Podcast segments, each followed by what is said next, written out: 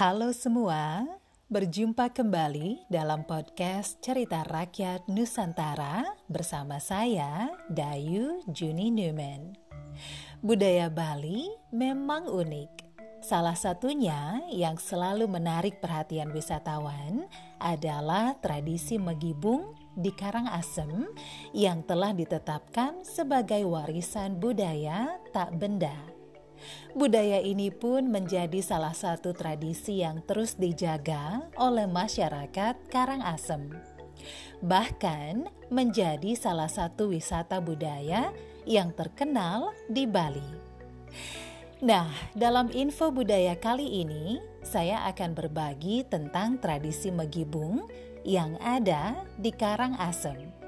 Jangan beranjak dulu, simak terus podcast Cerita Rakyat Nusantara sampai akhir.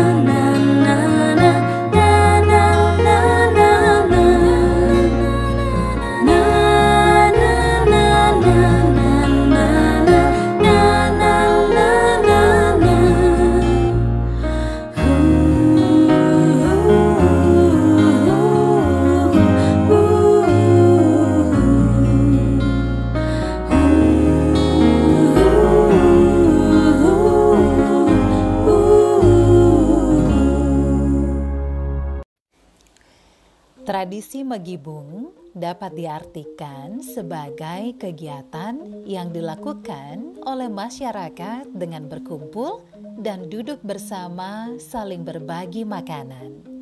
Atau bisa dibilang sebagai tradisi makan bersama dalam satu wadah yang selalu dilakukan oleh masyarakat Karangasem. Dikenal juga dengan sebutan bancakan. Setelah upacara adat usai, masyarakat dalam kelompok-kelompok duduk bersila bersama dan membentuk lingkaran. Di tengah lingkaran sudah terhidang nasi beserta lauk yang diletakkan dalam nampan atau wadah lain yang dialasi daun pisang. Mereka kemudian makan sesuap demi sesuap nasi dengan tertib sambil diselingi ngobrol-ngobrol ringan. Pada tradisi megibung ini, tidak ada perbedaan status sosial maupun kasta. Semua membaur dan makan bersama. Megibung sekarang sering dijumpai saat prosesi berlangsungnya upacara adat dan keagamaan di Karangasem. Seperti dalam upacara dewayatnya, pitrayatnya, butayatnya, resiatnya, dan manusayatnya. Tradisi ini dimulai sekitar tahun 1614 Saka atau 1692 Masehi. Kala itu seorang raja Karangasem, I Gusti Anglurah Ketut Karangasem, berperang untuk menaklukkan kerajaan-kerajaan yang ada di Sasak, Lombok. Saat prajurit sedang istirahat makan, sang raja membuat aturan untuk makan bersama dalam posisi melingkar. Raja juga turut makan bersama-sama dengan prajurit lain. Tradisi yang bertujuan untuk mengikat kebersamaan warga ini masih turun-temurun dilakukan, bahkan telah menjadi kebanggaan masyarakat Karangasem. Ketika Megibung digelar, semua orang ikut berpartisipasi, mulai dari anak-anak hingga dewasa, untuk memasak aneka masakan tradisional. Masakan yang diolah berbagai jenis daging, ikan, serta bermacam sayuran. Semua diolah menjadi masakan tradisional seperti lawar atau ebatan. Ada lauk khusus yang biasa disajikan, yaitu sate. Sate khusus untuk megibung ini terdiri dari sembilan jenis sebagai perlambang sembilan arah mata angin. Selain menyiapkan lauk dan sayurnya, juga dipersiapkan nasi putih untuk dimakan bersama. Setelah masakan matang, warga menyiapkan makanan di atas nampan yang sudah dialasi daun pisang.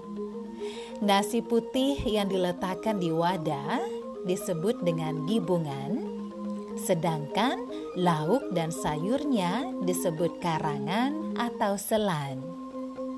Sebelum memulai makan, ada etika yang perlu diperhatikan, yaitu harus mencuci tangan terlebih dahulu. Saat makan, tidak boleh menjatuhkan sisa makanan dari suapan tidak boleh mengambil makanan yang ada di sebelah kita, dan apabila ada yang sudah kenyang, tidak boleh meninggalkan tempat atau meninggalkan temannya. Air minumnya disediakan dalam kendi tanah liat. Cara meminumnya diteguk dari ujung kendi sehingga bibir tidak menyentuh kendi. Selain dilakukan oleh masyarakat Hindu di Karangasem, tradisi megibung juga biasa dilakukan oleh komunitas Muslim di Karangasem. Tentu, lauk yang dipakai tidak menggunakan daging babi. Tradisi megibung bisa menjadi pendidikan moral agar setiap elemen masyarakat selalu menjaga kebersamaan dan keakraban dalam lingkungan, serta memperkaya budaya dan adat istiadat bangsa. Demikianlah info budaya yang saya hadirkan kali ini dalam podcast Cerita Rakyat Nusantara. Kita berjumpa kembali di lain kesempatan dengan berbagai informasi menarik lainnya.